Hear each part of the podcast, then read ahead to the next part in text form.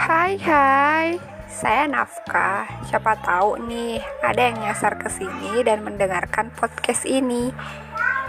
Jadi podcast ini tuh semacam diari tentang keseharianku, keseharian di rumah, di kampus, atau mungkin bahas K-pop, drama Korea, drama Cina, reality show,